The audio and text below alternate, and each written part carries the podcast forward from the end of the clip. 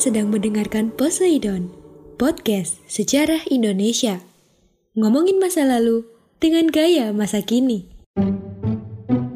Oke, setelah ini kita akan membahas suatu isu atau suatu gerakan disintegrasi yang sangat hot, terutama di bulan September ya, dari anak TK sampai anak kuliahan, dari pengangguran sampai pejabat tinggi pasti tak luput dari pembahasan bab ini, apalagi kalau bukan G30S. Nah, dari berbagai penelitian, setidaknya ada lima versi tentang pelaku G30S, yaitu yang pertama PKI, yang kedua konflik internal Angkatan Darat, Soekarno, kemudian Soeharto, dan unsur-unsur asing, terutama CIA atau Dinas Intelijen Amerika Serikat. Kita bahas mengenai teori yang pertama, yaitu pelakunya adalah PKI.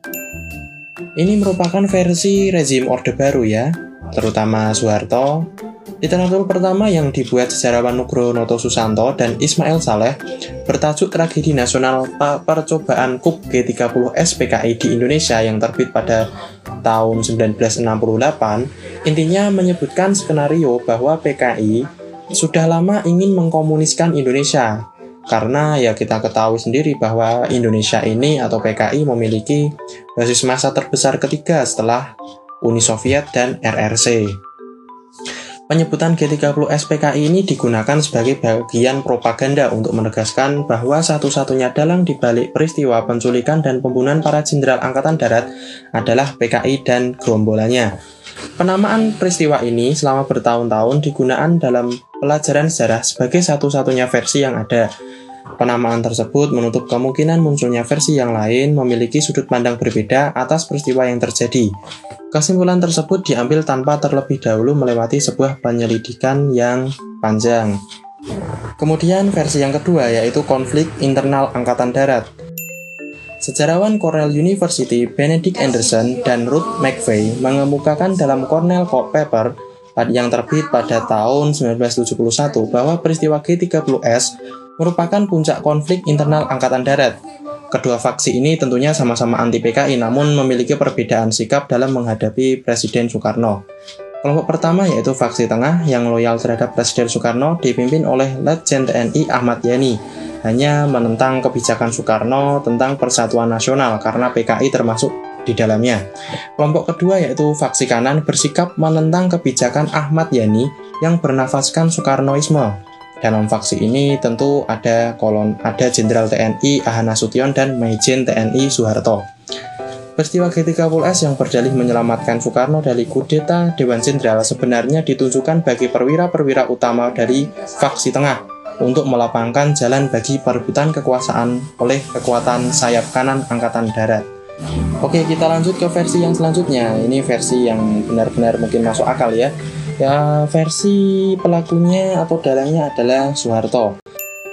Nah, dalam kesaksianku tentang G30S yang terbit pada tahun 2000, Subandrio mengungkapkan rangkaian peristiwa dari 1 Oktober 1965 sampai 11 Maret 1966 sebagai kudeta merangkak yang dilakukan melalui empat tahap, yaitu menyingkirkan para jenderal pesaing Soeharto melalui pembunuhan 1 Oktober 1965, membubarkan PKI yang memiliki anggota jutaan dan mendukung Soekarno, menangkap 15 menteri yang loyal kepada Presiden Soekarno, dan yang terakhir mengambil alih kekuasaan dari Soekarno. Nah ini cukup terbukti ya ketika terbit dari apa itu yang namanya Super Semar, Soekarno digantikan oleh Soeharto. Jadi versi ini cukup masuk akal.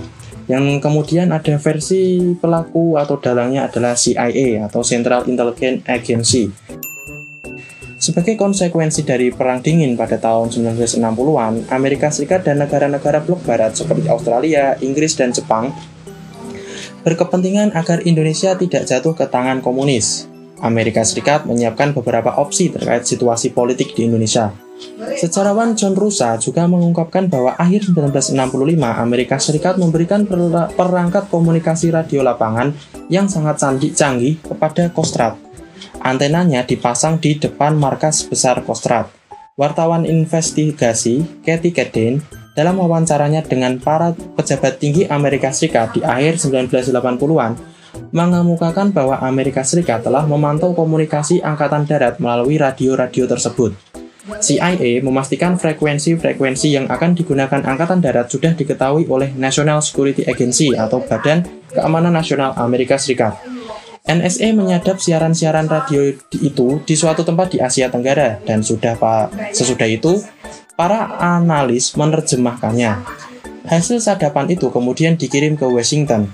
Dengan demikian, Amerika Serikat memiliki detail bagian demi bagian laporan tentang penyerangan Angkatan Darat terhadap anggota-anggota PKI. Misalnya, mendengar komando-komando dari Satuan Intelijen Soeharto untuk membunuh tokoh-tokoh tertentu di tempat-tempat tertentu. Selain itu, Amerika Serikat juga memberikan bantuan dana sebesar 50 juta atau sekitar 10 ribu dolar untuk membiasa, membiayai kegiatan KAP atau Komise, Komite Aksi Pengganyangan Gerakan September 30, Gestapo. Selain itu, CIA juga memberikan daftar daftar nama tokoh-tokoh PKI terhadap Angkatan Darat. Nah, ini versi yang cukup lucu ya, yaitu versi dari Soekarno sebagai dalang. Soekarno sebagai perancang G30S berkomplot untuk menyelesaikan beberapa perwira tinggi yang angkatan darat yang terlalu anti komunis Soekarno memberi lampu hijau sejumlah perwira di lingkungannya untuk menyelesaikan masalah tersebut. Jadi gimana ya Soekarno mengkudeta Soekarno ini versi yang cukup lucu. Jadi silahkan pikir sendiri ya bagaimana Soekarno kok yang berkuasa ingin tidak kuasakan dirinya sendiri. Jadi ada beberapa versi tersebut. Mungkin kalian-kalian para pendengar bisa mengolah informasi yang telah saya berikan kepada kalian mana yang masuk akal, nah itu silahkan. Kemudian kita lanjut ke penyelesaiannya. Nah, bagaimana peristiwa G30S ini diselesaikan? Oke, untuk penyelesaian gesto ada beberapa cara yang digunakan. Yang pertama untuk anggota ABRI yang diduga terlibat dalam gerakan 30 September disidang dalam Mahkamah Militer Luar Biasa atau Mahmilub. Mereka ini adalah Letnan Kolonel Untung Syamsuri, Kolonel Latif, Marsikal Umar Dhani, dan Brigadir Jenderal Suparjo. Sementara itu, putusan yang diberikan antara lain untuk Untung Samsuri, Latif, dan Suparjo dihukum mati oleh Mahmilub. Sementara Marsekal Omar Dhani dipenjara selama 32 tahun sebelum dibebaskan pada tahun 1992. Sementara untuk para aktivis di PKI, seperti Sudisman, Syam Kamaruzaman, menjadi sedikit dari beberapa petinggi PKI yang tidak dibunuh di luar hukum, namun disidang dalam mahmilub. Sementara itu, sebagian besar petinggi lain seperti DN Aidit, Nyoto, MH Lukman tewas dibunuh langsung oleh Angkatan Darat tanpa disidang. Selain itu terjadi pembantaian ya, pembantaian di berbagai daerah ketika Angkatan Darat dan masa anti komunis melakukan pembunuhan kepada mereka yang dituduh sebagai simpatisan PKI. Ratusan ribu sampai jutaan orang diperkirakan tewas dalam peristiwa tersebut. Ada pula mereka yang selamat dalam pembantaian kemudian dijadikan politik, tahanan politik atau tapol, dan dibuang di Pulau Buru di Maluku. Di Pulau Buru ini mereka dipenjara selama puluhan tahun dan dipaksa menjadi pekerja keras. Banyak yang tewas karena penyakit dan kondisi yang cukup berat. Tahanan politik yang bertahan hidup perlahan-lahan dibebaskan, namun banyak yang memilih bertahan di Pulau Buru sebagai transmigran di situ. Dan ada pula dampak G30S seperti yang berdampak sampai sekarang antara lain yang pertama dihabisinya kubu-kubu pro Soekarno dan organisasi bawahan dan afiliasi dari PKI. Yang kedua munculnya Tritura yaitu tiga tuntutan rakyat yang berisi bubarkan PKI, bersihkan kabinet Dwi Kora dari unsur-unsur yang terlibat G30S dan penurunan harga. Yang ketiga, yang ketiga diterbitkannya Super Semar yang terbit pada tanggal 1 Maret 1966 yang menjadi tonggak awal peralihan kekuasaan dari demokrasi terpimpin Soekarno ke Orde Baru Soeharto. Oke, mungkin itu ya.